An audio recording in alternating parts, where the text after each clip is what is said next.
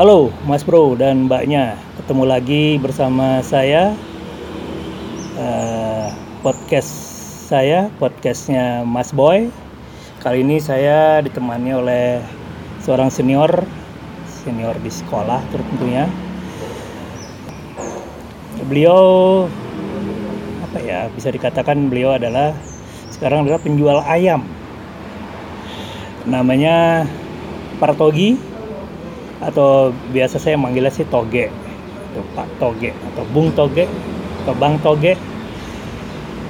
Eh kita langsung aja berkenalan dengan Bang Toge. Halo Bang. Halo, apa kabar? eh Bang Toge ini udah panjang lah perjalanannya sampai dia akhirnya berjualan ayam. Marco Marco Chicken ya Bang ya? Ya, Marco Fried Chicken. Marco Fried Chicken. Jadi secara karir Bang Toge ini dulu pernah jadi tukang masak sampai di Papua sana di Freeport. Kemudian ngajar ada di Bandung. Terus kemudian merambah lah ke Unilever Indonesia, kemudian ke Heinz ABC, Sasa dan terakhir adalah di PTPN sudah National banyak. Sales Manager udah banyak dan terakhir wira swasta pengusaha ayam goreng katanya Iya, ayam goreng. jadi gini bang Ya. gua tuh ngeliat belakangan ya dulu tuh kita pernah dengar ada yang namanya jargon lah semacam itu bahwa life begin at 40 tapi nyata-nyatanya hari ini banyak yang tiba-tiba harus mandek di usia 50 dan kelimpungan ketika itu. Entah eh, perusahaannya kolaps entah dia sudah karirnya sudah berhenti. Nah, jadi rata-rata yang saya lihat beberapa teman saya juga mulai mulai apa ya kalau dibilang was-was sih was-was kali ya dia cerita sama saya gitu. Eh apa namanya gue kayaknya udah mentok nih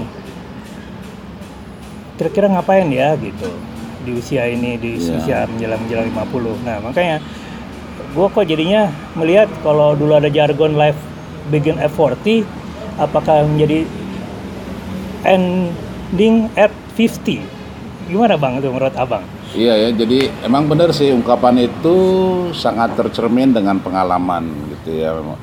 Ketika masuk ke usia 40 posisi lagi enak-enaknya tuh.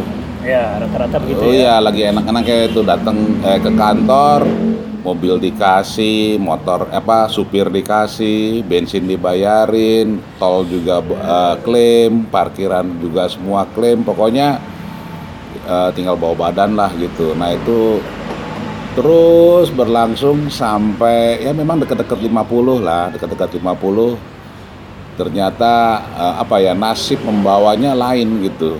Waktu itu ikut sama bos ya biasalah kan kalau di tim sepak bola gitu ya di sepak bola kalau manajer manajer masuk biasanya kan manajer cari orang yang yang cocok sama permainannya dia kan. Nah saya direkrut lah.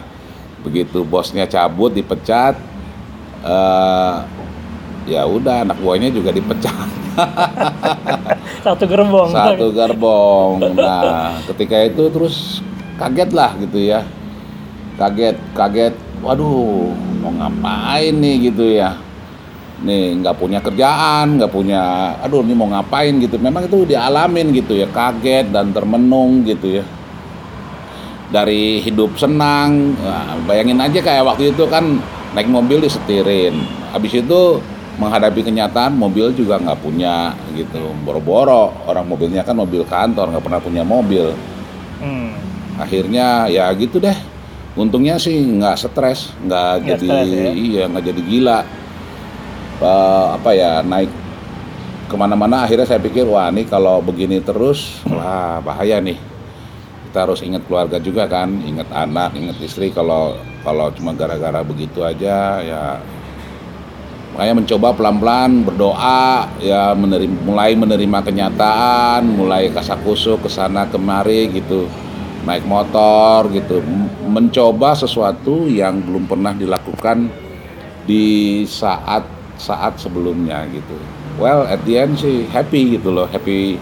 Walaupun problem tapi ini facts findingnya semua ternyata hal-hal baru gitu. Banyak belajar banyak berubah banyak dapat pengalaman gitu ya. Jadi ya mungkin itu ya tapi kalau ditanya ada juga mungkin faktor nasib sama faktor yang nggak siap gitu ya. Itu Nasib kali dan ya. nggak siap, ya. nasib dan nggak siap gitu. Itu nggak siap tuh dalam artian gimana ya bang? Maksudnya dalam perjalanan semua dengan fasilitas itu apakah kita terbuai? Pada waktu itu nggak kepikiran gitu.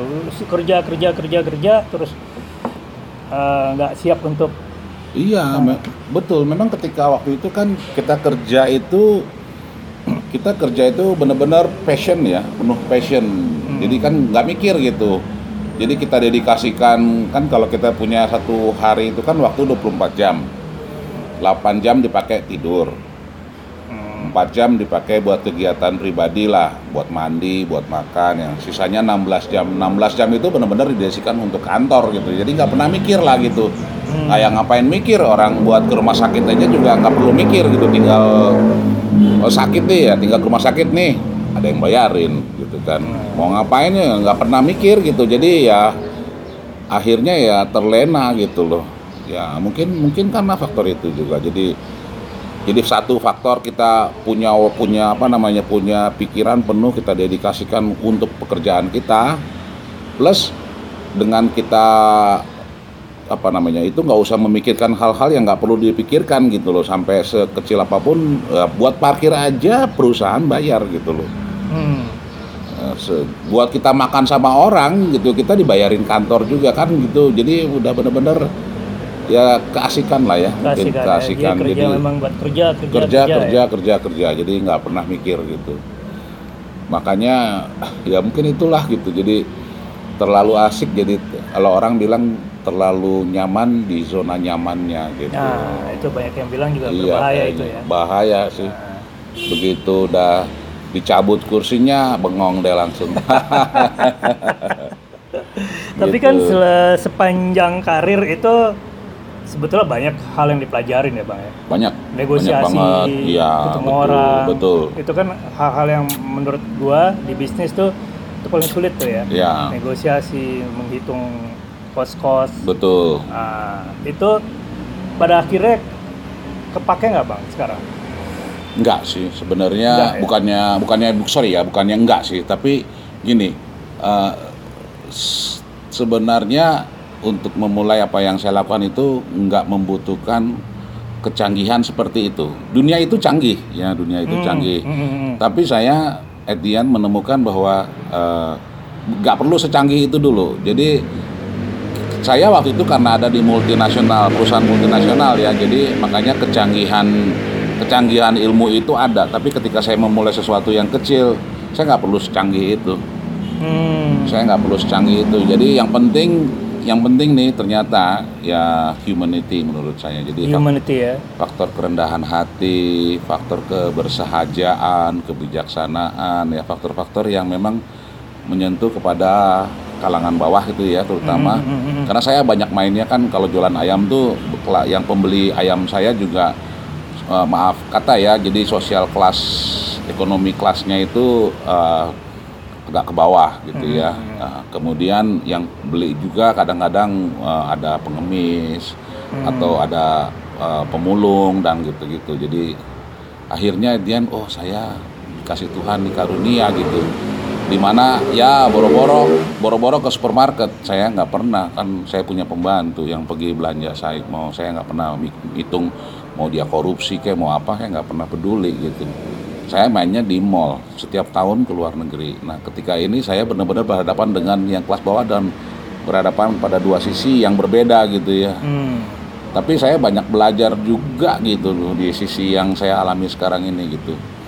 Banyak belajar banyak banyak ngeliat jadinya banyak jadi- jadinya banyak taunya gitu yang sebelumnya saya nggak tahu gitu. Jadi yang ternyata saya super tahu saya pikir saya super tahu karena saya sudah paling tinggi jabatannya begitu menghadapi kenyataan ternyata saya tidak tahu apa-apa gitu Ternyata ya. ternyata begitu Jadi Bang Toge ini dulu SMA Kanisius, SMA di Kanisius. Terus kuliah di Kemudian kuliah di BPLP waktu itu namanya kalau orang bilang tuh NHI, National Hotel di perhotelan di Bandung, Bandung. pemerintah punya full scholarship, Oh, full scholarship ya. full scholarship.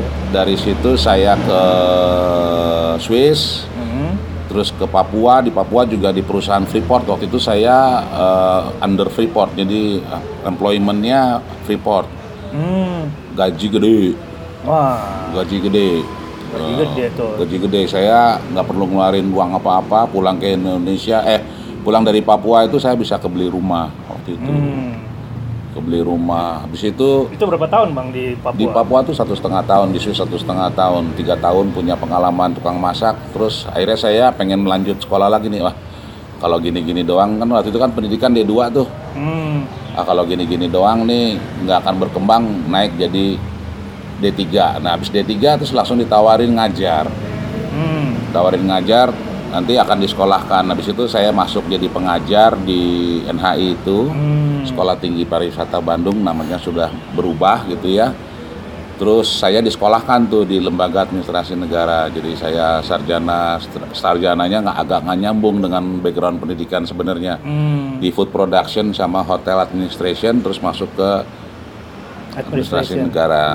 Nah, di sekolah lain tuh S1 bisa ngajar di tapi tuntutannya kan harus S2, ya. Betul. Nah, kemudian saya dapat scholarship dari JICA waktu itu eh, Jepang International eh Jepang Indonesia International Corpor, eh, Corporate eh, Agency. Agency. Agency. Nah, itu memang lembaga yang kasih-kasih bantuan pendidikan gitulah. Banyak tuh kayak shifting, ada shifting award, ada British Council kayak Hmm. gitu-gitulah. Nah, terus saya dapat sekolah lah ke Jepang waktu itu satu setengah tahun. Ketemu cewek-cewek Jepang ya kan? Cantik-cantik pulang ke Indonesia. Terus saya di balik lagi ke jadi pengajar tapi kemudian ketemu Unilever saya ditawarin. Terus saya ditarik ke Unilever di Unilever berkarir lima tahun. Nah itu pada waktu di Unilever berarti udah nggak sama tuh ya Bang dengan background sekolah. oh beda beda banget jadi beda waktu banget di ya. beda banget Jadi belajar lagi dari awal ya. belajar lagi dari awal. Jadi waktu gini, waktu waktu itu kenapa saya di hire sama Unilever? Ini ceritanya unik. Jadi eh, waktu itu saya itu jadi sekretaris sekjur, sekretaris jurusan program eh, food production. Mhm. Nah di program food production itu Mhm. saya kedatangan tamu orang HR sama orang uh, bisnis unit headnya dari sana dari Jakarta dari Unilever. Dia pres- mereka presentasi, mereka bilang mereka mau merekrut mahasiswa untuk jadi salesman. Tapi Oh, ketika ketemu saya, saya diajak sore-sorenya tuh, Pak kita ngopi-ngopi yuk di Bandung. Eh, punya waktu nggak antar sore? Oh punya, saya bujangan kok. Dia bilang gitu kan. Kalau di istri saya sama anak-anak ada di Jakarta, jadi saya bujangan di Bandung. Dia bilang gitu. jadi ada waktu banyak lah gitu. Terus kasih makan, terus diajakin makan tuh di tempat makan yang mewah lah waktu itu. Nah, Nah, habis itu mereka presentasi justru ternyata mereka presentasi ini Unilever tuh begini A B C D gini gini gini gini. Begitu dan pas-pas deket-deket mau pulang, terus mereka tawarin Pak mau nggak bergabung dengan? Saya kaget gitu, saya Hmm. kaget wah gitu ya. padahal waktu itu masih secure ya. Waktu itu pegawai negeri pro, Oh, eh, apa oke. namanya eh, golongan 3C, 3C. golongan 3C itu udah deket-deket mau eselon. Ah, iya. Nah, terus eh, dia bilang mau kalau bapak mau gitu. Ya udah, eh, bapak mau bapak kirim CV. Terus saya udah ada cerita itu selesai malam itu kan. Malam itu juga saya telepon istri, saya bilang gini-gini, eh coba aja gitu kan karena memang punya kerinduan juga untuk ngumpul bareng sama keluarga kan di Jakarta karena istri sama anak kan di Jakarta. Wah seru juga nih kerja di Jakarta gitu. Kirim CV, buat apa namanya buat iseng aja loh saya nggak dites apa-apa gitu kirim CV terus habis itu eh, diundang ke Jakarta interview lagi dengan ketemu dengan beberapa orang gitu ya user sama ketemu juga HR ya istilahnya mau cari mau cari bonding lah Hmm. gitu ya. Mau banyakannya interviewnya ngobrol kok gitu. Nah dari situ akhirnya saya memutuskan untuk pindah dan ketua sekolah tinggi pariwisata Bandung waktu itu sampai kaget dan cukup kecewa karena saya resign keluar berhenti dari pegawai negeri. Tapi dengan alasan karena saya mau dekat dengan keluarga ya akhirnya saya dilepas. Karena kan saya udah di sekolahin waktu itu kan ke Jepang Iya, kan. Satu setengah tahun kompensasinya dibayarkan oleh Unilever Oh dibayarkan oleh iya dibayarkan oleh Unilever nah masuklah ke dunia yang baru dari dunia pendidikan tukang masak saya sekarang ke industri uh, fast moving consumer goods Hmm. dari ber- banyak berteori sekarang harus banyak melakukan activity dari teori-teori yang ada kan gitu. Memang shiftingnya agak susah payah juga tuh. Cuman saya dibantu banget sama business unit headnya waktu itu. Jadi saya eh, banyak harus banyak mengejar ketinggalan lah apa aja sih yang perlu dipelajari gitu ya. Jadi aspek-aspek kayak komersial, aspek marketing gitu, aspek sales itu banyak banget harus saya pelajari waktu itu. Akhirnya saya nyusul seneng tuh sama dunianya, makanya terus akhirnya ah udah di sales aja, di sales berkarir.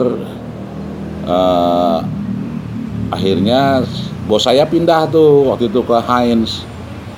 Eh dia tarik saya ke Heinz dengan dengan tawaran yang betul-betul saya nggak bisa tolak gitu. Yahut banget lah tawaran. Yahut lah ya. Terus saya pindah Itu ke kayaknya lebih gede dari waktu di Papua mungkin ya.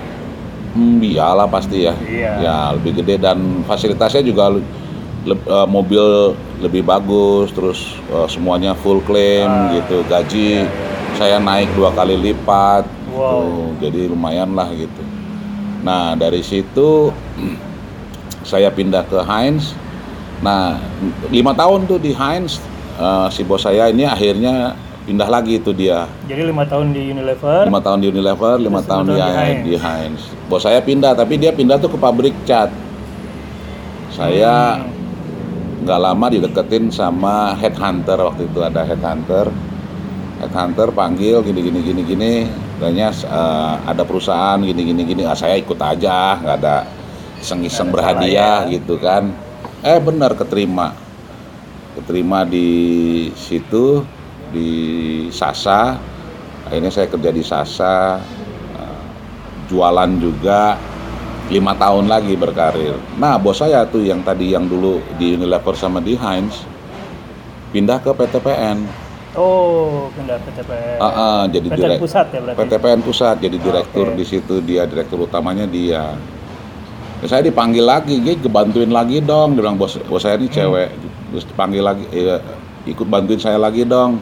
Pikir-pikir Hmm. iya ya, ini persiapan mau pensiun nih kalau di swasta terus nanti ini waktu itu dia bilang ini buat merah putih kayak iya ya gue udah gue udah semua nih apalagi nih gue bantu pemerintah lah gitu kan Hmm.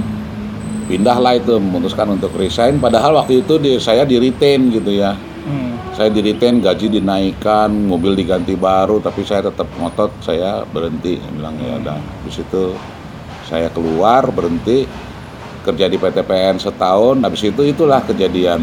Jadi bu- biasalah gitu ya kan. Yang bosnya dia bosnya bos saya ini dipindah ke jadi direktur di Pertamina. Di sini kucar kacir saya kucar kacir jadinya kayak gitulah Jadi Bang Toge ini benar-benar life begin at 40 ya. Betul, pada saat itu ya begitu Ya, lah jadi kira-kira. mencapai puncak dalam apa ya kalau karir seorang itu memang di usia itu ya. di usia itu. Di usia Oke. itu. Ya di kala itu menurut saya dengan dengan pengalaman dengan pendidikan saya ya saya udah di level yang paling top lah gitu. Gitu ya. Ya bahkan teman-teman saya nggak ada tuh yang teman-teman saya kuliah deh mereka tuh kaget-kaget dengan jabatan saya kok gitu. Orang saya ke kantor kan naik mobil mewah, Nah, iyalah. naik mobil sedan mewah disupirin tas dibawain kan begitu di pemerintahan kadang-kadang saya juga suka risih dia bilang saya nggak mau begini saya ke kantor pakai jeans mereka ngeliatin kok bapak pakai jeans emang nggak boleh kantor saya yang lama even celana pendek aja boleh saya bilang. Yang penting otaknya bukan pakaian. Masalahnya mereka suka ketinggalan, Bang. nah itu dia tuh kayak gitu. Jadi dasi boleh, nggak nggak boleh ketinggalan. iya otak boleh. otak boleh. Gitu. Nah kejadiannya itu ya begitu deh. Iya, jadi ini contoh menarik sebetulnya ya bahwa benar-benar pada saat kita memang lagi di atas lagi istilahnya apa di zona nyaman Mm-mm. kita tuh benar-benar tidak mempersiapkan ketika kapal oleng ya bang ya? Kapal oleng nggak tuh benar-benar nggak siap. Benar-benar nggak siap, ya. benar-benar nggak siap. Jadi memang abang waktu itu juga benar-benar tidak pernah mikir oh sembari sembari posisi baik nih Enggak berbisnis enggak buka warung gitu enggak, sama, sekali. Saya punya tabungan pikir-pikir kan ya punya tabungan juga cukup lah lumayan lah gitu. Nah, ya kan? Ya anak sekolah istri saya juga kerja. Pokoknya semua ketika itu di- kayak di kapal aja kan kita jalan Eh. ombak tenang wah kecepatan bagus angin bagus lagi wah lagi enak nyaman gitulah Iya benar-benar lagi gitu. Naik mobil ya supir ada supir. Iya. Nggak pernah mikir duduk di mobil tinggal tidur ke kantor juga begitu gitu. Iya. Ya, bayangin aja tas saya aja ada yang bawain gitu. Sampai saya juga risih gitu. Saya bilang saya nggak mau ya. Saya bilang saya nggak mau ya tas saya dibawain. Bilang gitu. Saya nggak mau. Saya disetirin aja saya udah nggak mau. Saya seneng nyetir saya bilang. Saya nggak mau gitu.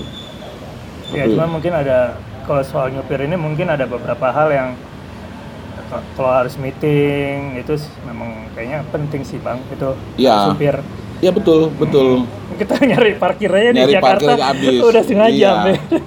makanya saya bilang saya ketemu supir itu selalu di kantor jadi supir saya saya nggak pernah suruh ke rumah jadi Oh, saya ke gitu. ah, jadi saya ke kantor sama supir kecuali kalau udah langsung meeting supir saya suruh ke rumah Oh, oke Ah, gitu karena saya nggak mau tuh campur ya kebiasaan di perusahaan dengan code of conduct yang benar ya di di perusahaan Amerika Hmm. itu kan memang mereka menerapkan code of conduct yang benar gitu iya, loh. iya, jadi iya, iya.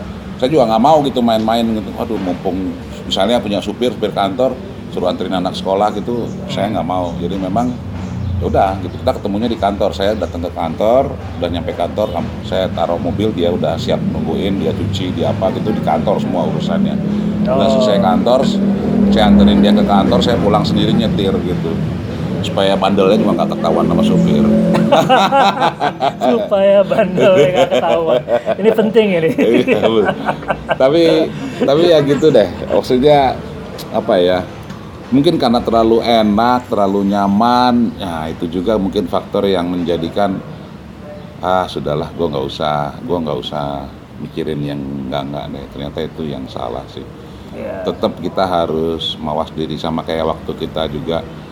Kita kan nggak tahu waktu kita kapan nih dipanggil Tuhan tuh. Ya betul Nah, kayak gitu ya kita harus siap lah setiap saat. Siap saat. Heeh. Nah, setahun nih di PTPN, kemudian gue ganjing, bus harus cabut dari sana lah. Iya harus cabut dari gitu. sana. Waktu itu nggak kepikir untuk mencoba eh, apply lagi di di posisi yang sama di tempat lain atau gimana bang? Iya, jadi saya waktu itu begitu udah dipecat gitu ya, saya sempet tuh eh, mencoba ah gue ngelamar lagi ah ke tempat yang lama gitu, Hmm. barangkali masih dibutuhkan. Wah, padahal waktu saya keluar itu yang ngegantiin saya tuh ada tiga orang gitu di posisi Hmm. saya. Terus eh,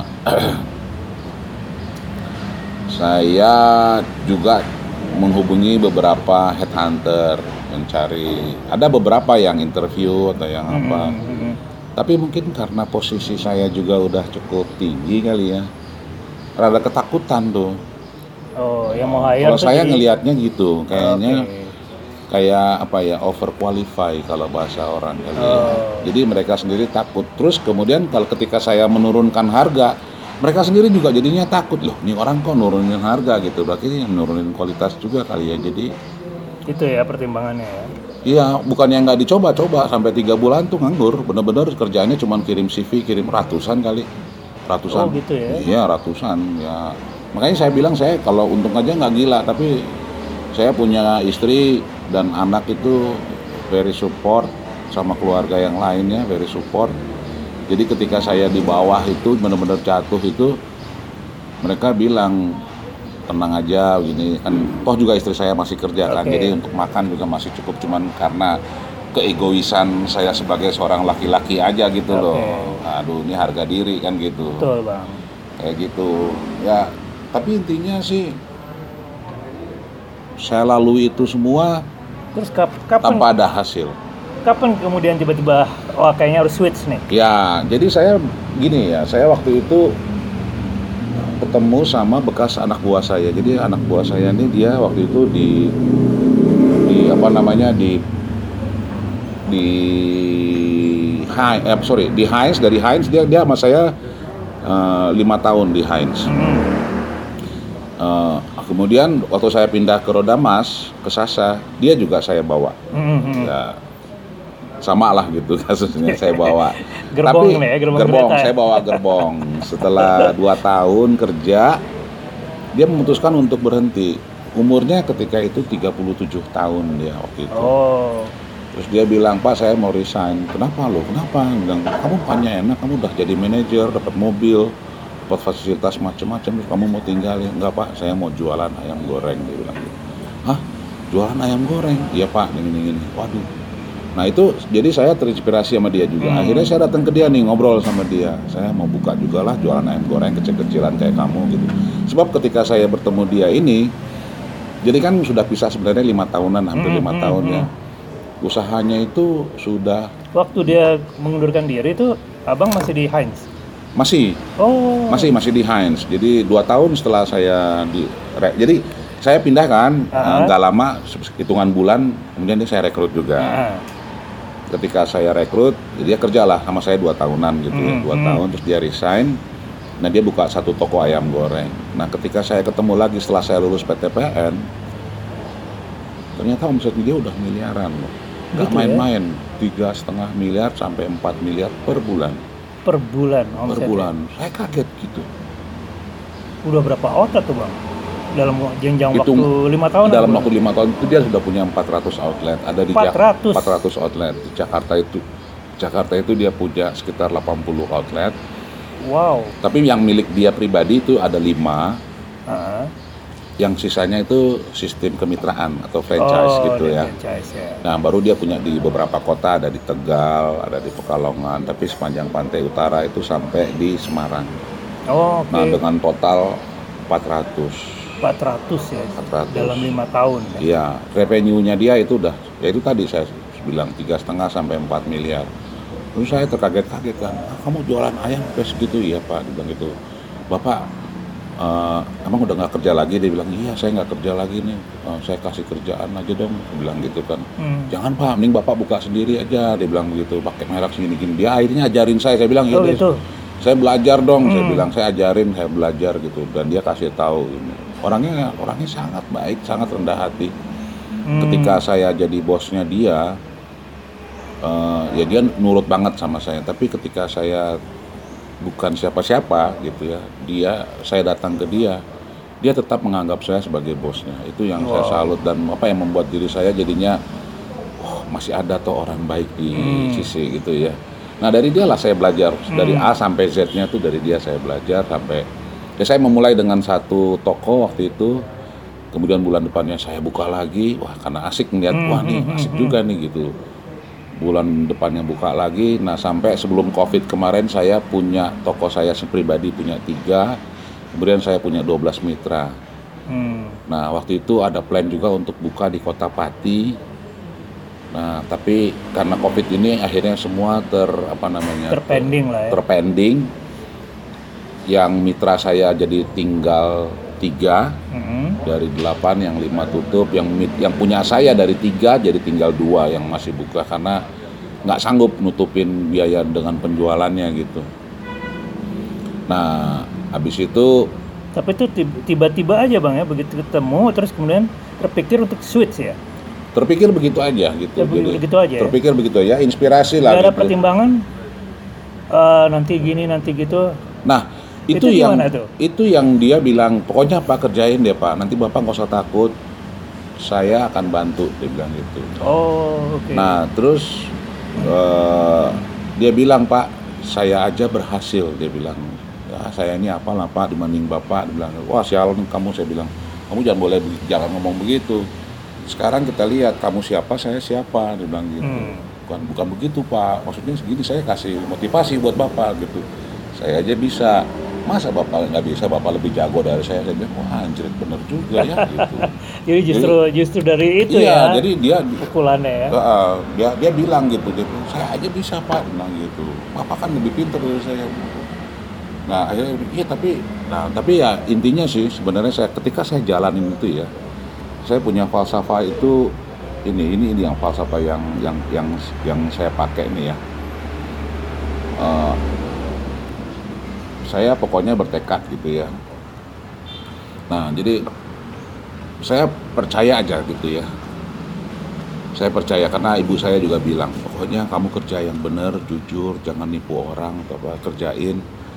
Pokoknya Tuhan pasti kasih jalan dan pasti kasih kemudahan. Iya. Nah, Amin. dan ketika itu saya kerjakan itu memang benar sih tapi kelihatannya memang apa ya tapi benar. Saya cari ruko itu dapat gampang Hmm. orangnya nggak macem-macem gitu. Tapi padahal menurut cerita orang-orang dia punya ruko cerewet dia bilang gitu. Tapi Gitu ketika ya? ketemu saya enggak gitu. Waktu itu ya. Eh, terus pokoknya kemudahan-kemudahan itu dapat saya nyari orang kok. Ya gampang gitu. Nyari saya da- dari saat saya memulai toko saya itu dari berdua. Jadi saya cuma punya satu orang yang bantuin saya sama saya gitu. Hmm. jadi saya yang ngelayanin gitu. Nah dari dari yang bantu saya itu eh, namanya Doni.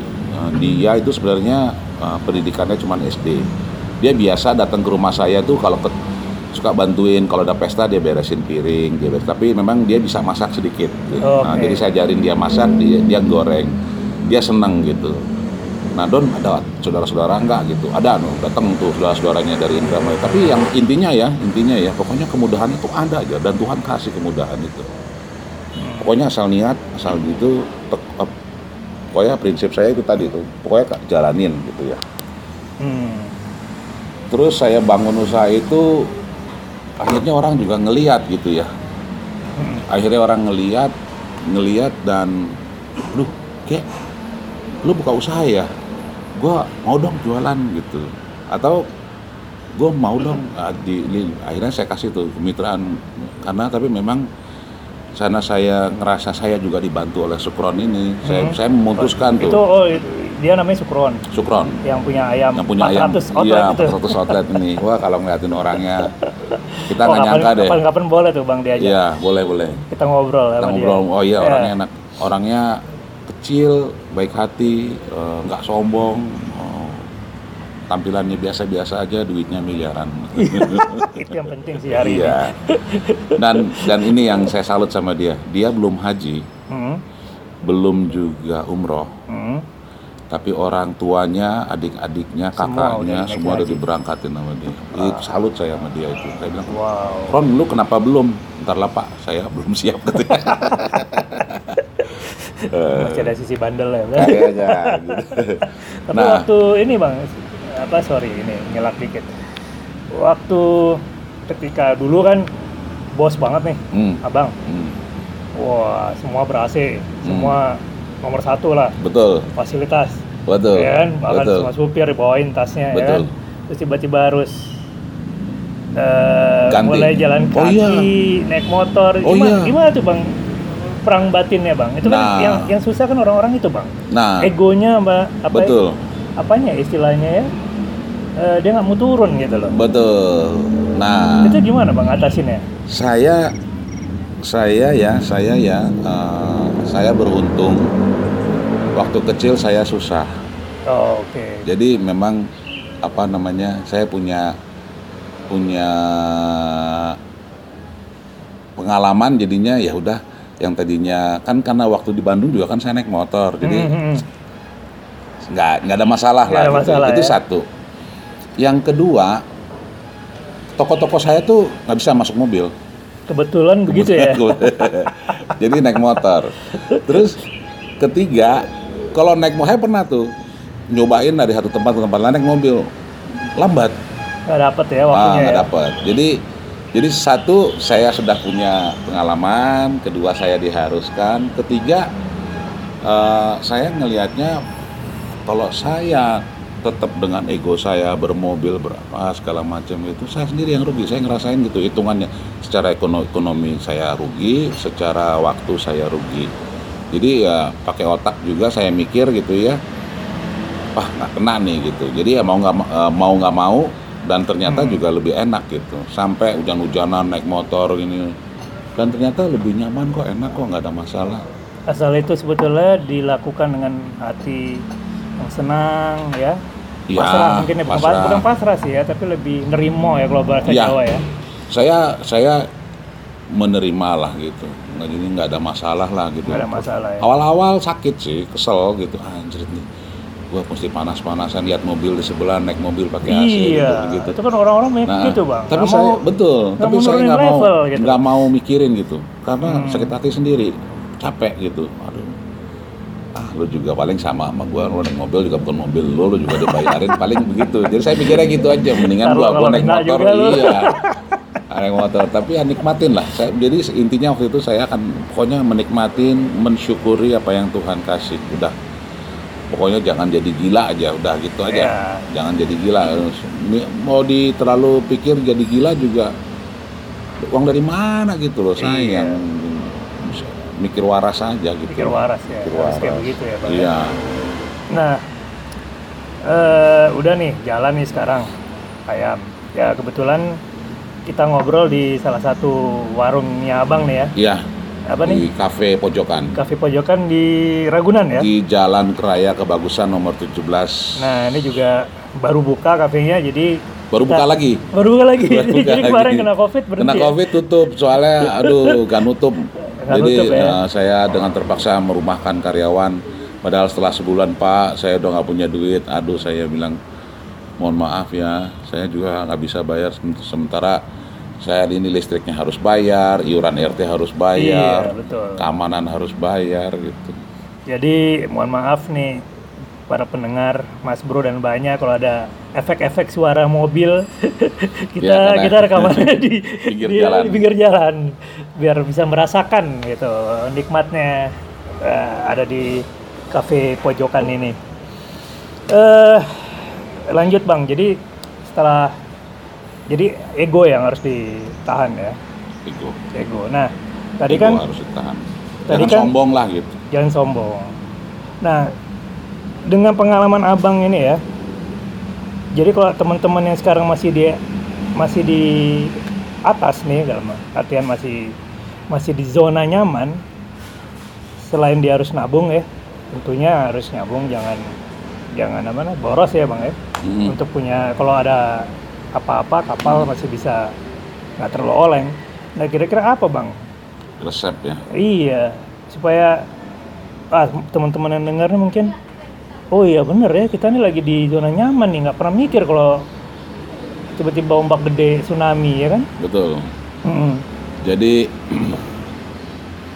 menurut saya tetap kita ya kita kita bersiap lah sama seperti kita menyiapkan diri kita dipanggil menghadap yang maha kuasa. Oke. Jadi tetap Kapan harus aja kita persiapkan lah. Jadi kapan aja kita harus siap.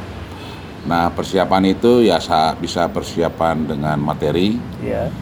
Persiapan dengan eh, apa namanya apa yang mau dikerjakan. Mental atau bang. ya persiapan mental juga. Nah, tapi mental itu sebenarnya yang paling sus- susah, tapi juga paling gampang di itu, karena ternyata eh, Tuhan itu kasih belahan jiwa gitu ya, belahan jiwa. Itu belahan jiwa itu ada di mana? Ada di keluarga menurut saya nomor satu. Keluarga ya. Yang Keluarga itu ya. nomor satu ya. Kakak, adik, orang tua, istri gitu ya, anak itu sangat mendukung apa namanya menjadi apa ya Support yang eh, paling support ya paling, paling utama, utama ya, ya. itu itu tapi yang pasti itulah gitu.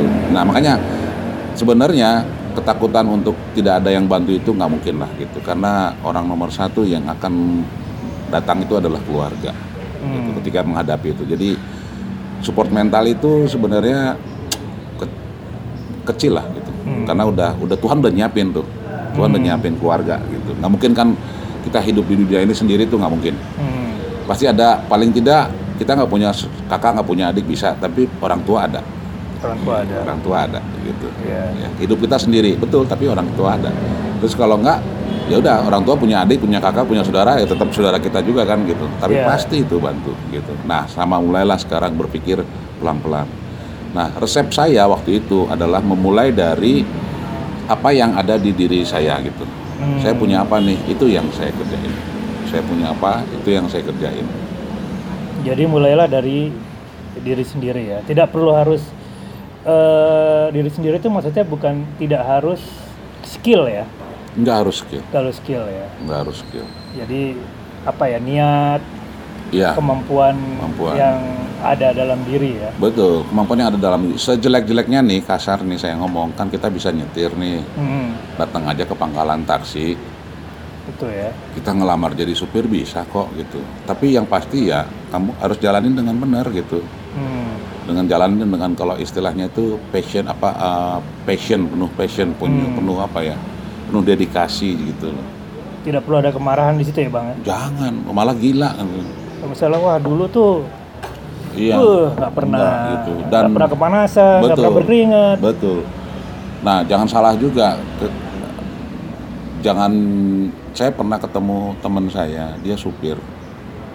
Supir taksi. Teman saya tadinya manajer dia jadi supir taksi. Dia nyetir tuh selama setahun, akhirnya dia ketemu pelanggan dan pelanggannya itu akhirnya merekrut dia jadi manajer di perusahaan. Oh. Jadi emang jalan Tuhan gitu. Tapi menurut saya pokoknya jalanin, nikmatin. Pokoknya jangan dihitung.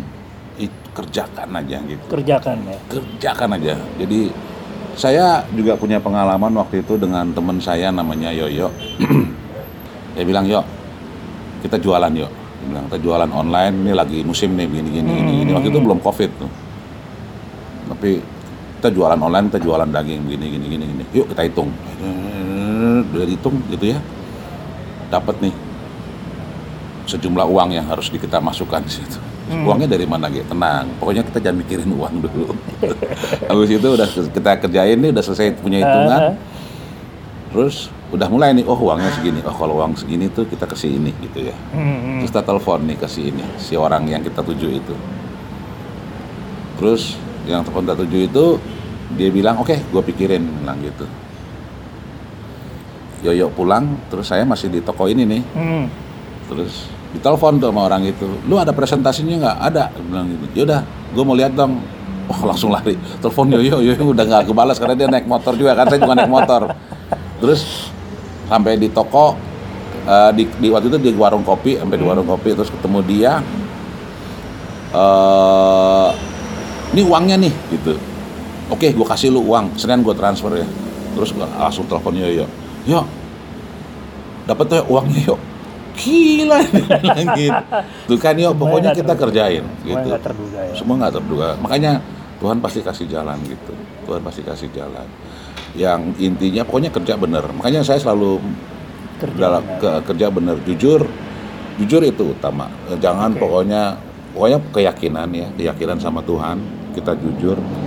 Terus itu jadi semboyan saya tuh Nah, keyakinan terus kita jujur terus kita bertahan dan bersabar lah gitu Bersabar nih. Ya. Orang yang kadang-kadang nggak punya juga tuh bang ya. iya ya pasti rugi dulu lah gitu Iya. namanya karena kayak hitung-hitung sama aja kan kayak kayak kita sekolah dulu sekolah kan bayar Iya. nah ini hitung-hitung bayaran gitu lah kayak saya nih dengan covid ini kan masa saya menyalahin Tuhan gitu anjir Tuhan nggak bener nih begini begini jangan kan Iya. ya nggak boleh kan juga betul jadi tapi ya nikmatin lah untung di covid ya enggak lah rugi orang siapa yang untung gitu kan. Tapi Hmm. ya tetap gitu. Jadi memul- memulai memotivasi diri belajar proaktif kayak gitu gitu jadi aura-aura positif tuh menurut saya tetap harus dijalanin. Jadi kan gini juga bang, gua ngeliat tuh kalau di bisnis tuh banyak orang bilang, aduh gua nggak bisa jualan nih, gua mau ngapain, gua nggak bisa jualan, gitu. Itu agak kontradiktif ya sebetulnya. Padahal s- menurut gua semua orang bisa jualan.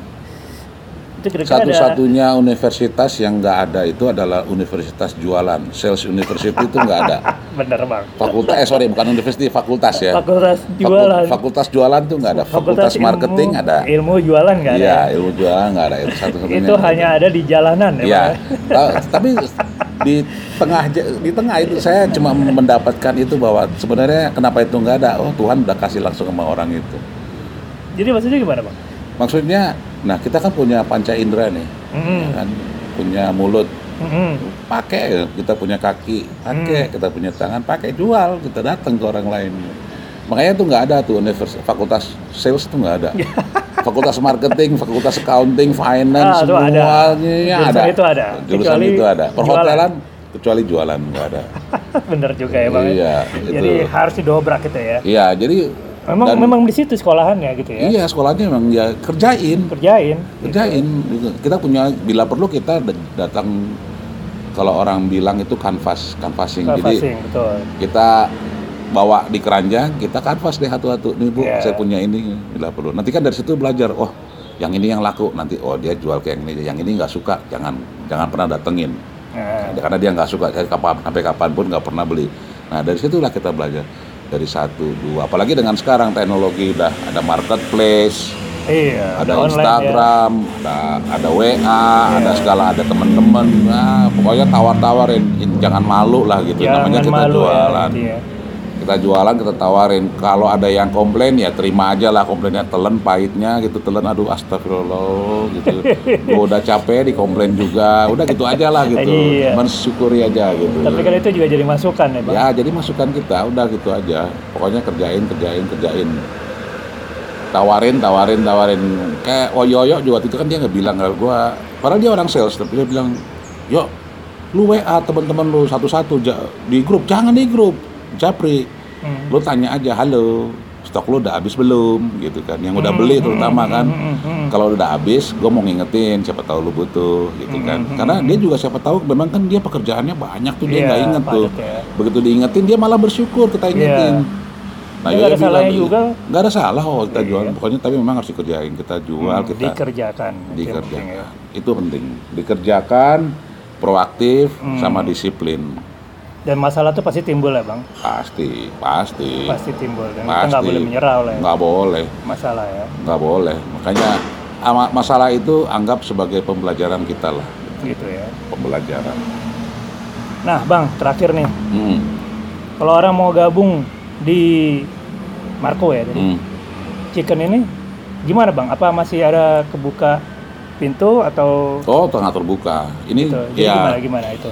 Jadi Marco Fried Chicken ini ada di ada Instagramnya. Mhm. Instagramnya tuh @marco_fried_chicken. Jadi gampang Mhm. banget. Facebooknya juga ada Marco Fried Chicken juga. Hmm.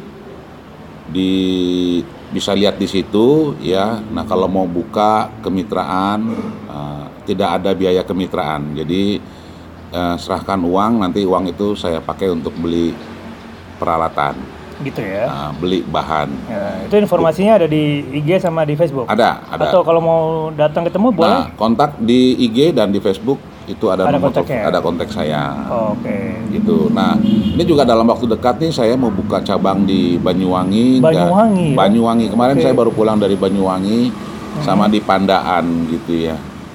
Sama di Pandaan. Nah, ini kalau misalnya buka nih, saya memang pengen ke timur. Pengen Daerah ke timur, timur, ya? ya. karena kayaknya pemerintah banyak pembangunan di sana, Di terus sana. masyarakat di sana juga mulai berkembang banget gitu ya. Hmm, Yang hmm, di Jakarta itu mulai stagnan banget. Harus memang harus keluar sih. harus Jakarta. keluar iya kayaknya begitu jadi Nah, ya gitu gitu ya. Kalau ah, mau datang ke silakan warung pojokan ini, warung pojokan ini juga boleh welcome welcome ya. Ah, welcome banget sambil kalau ngopi kita ya. ambil ngopi-ngopi mau ngobrol-ngobrol silahkan saya ter- terbuka kok ya apa yang bisa saya bantu saya bantu yang nggak bisa ya saya mohon maaf nggak bisa bantu gitu aja Iya. Oke bang, untuk yang terakhir mungkin lagi-lagi yang terakhir ada pesan-pesan buat para mas bro dan mbaknya. pesennya pokoknya nikmati hidup lah Nikmati hidup nikmati ya. hidup jangan pikir masalah pokoknya selalu tersenyum bawa dalam doa sama ya nakal boleh Mm-mm. bego jangan gitu Nakal boleh, bego jangan. bego jangan kalau misalnya kita main cewek terus kita kawinin itu bego Hmm. ya kan karena kita udah punya istri gitu kan Hmm. ya kalau mau ngobrol-ngobrol sama cewek ya nakal-nakal dikit boleh lah Boleh gitu. lah. Ya, boleh lah gitu kan ya tapi jangan tinggalin keluarga Jangan. nah itu bego gitu Bego, ya. nah itu nakal tapi bego Jadi nakal boleh, bego jangan. nakal Bang. boleh bego jangan ya, kita mau melakukan sesuatu yang eh, apa namanya misalnya usia kita udah cukup dewasa nih udah 45 46 gitu tapi pengen ah naik motor ke Jawa gitu ya boleh silakan Hmm. Itu kan nakal tuh, Hmm. tapi jangan kebut-kebutan. Nah, Ya, itu bego gitu. selamat, Betul, pikir panjang Ya. gitu. Ya, itu pesan saya. Oke, Bang Toge, terima kasih ngobrol-ngobrolnya. Baiklah, Mas Bro dan Mbaknya, sampai di sini dulu obrolan kita dengan Partogi. Siap. kan mudah-mudahan masih banyak yang kenal kalau ada yang dengerin ini ya. Eh, sampai ketemu di podcastnya Mas Boy berikutnya. Apa itu? Kita nantikan aja.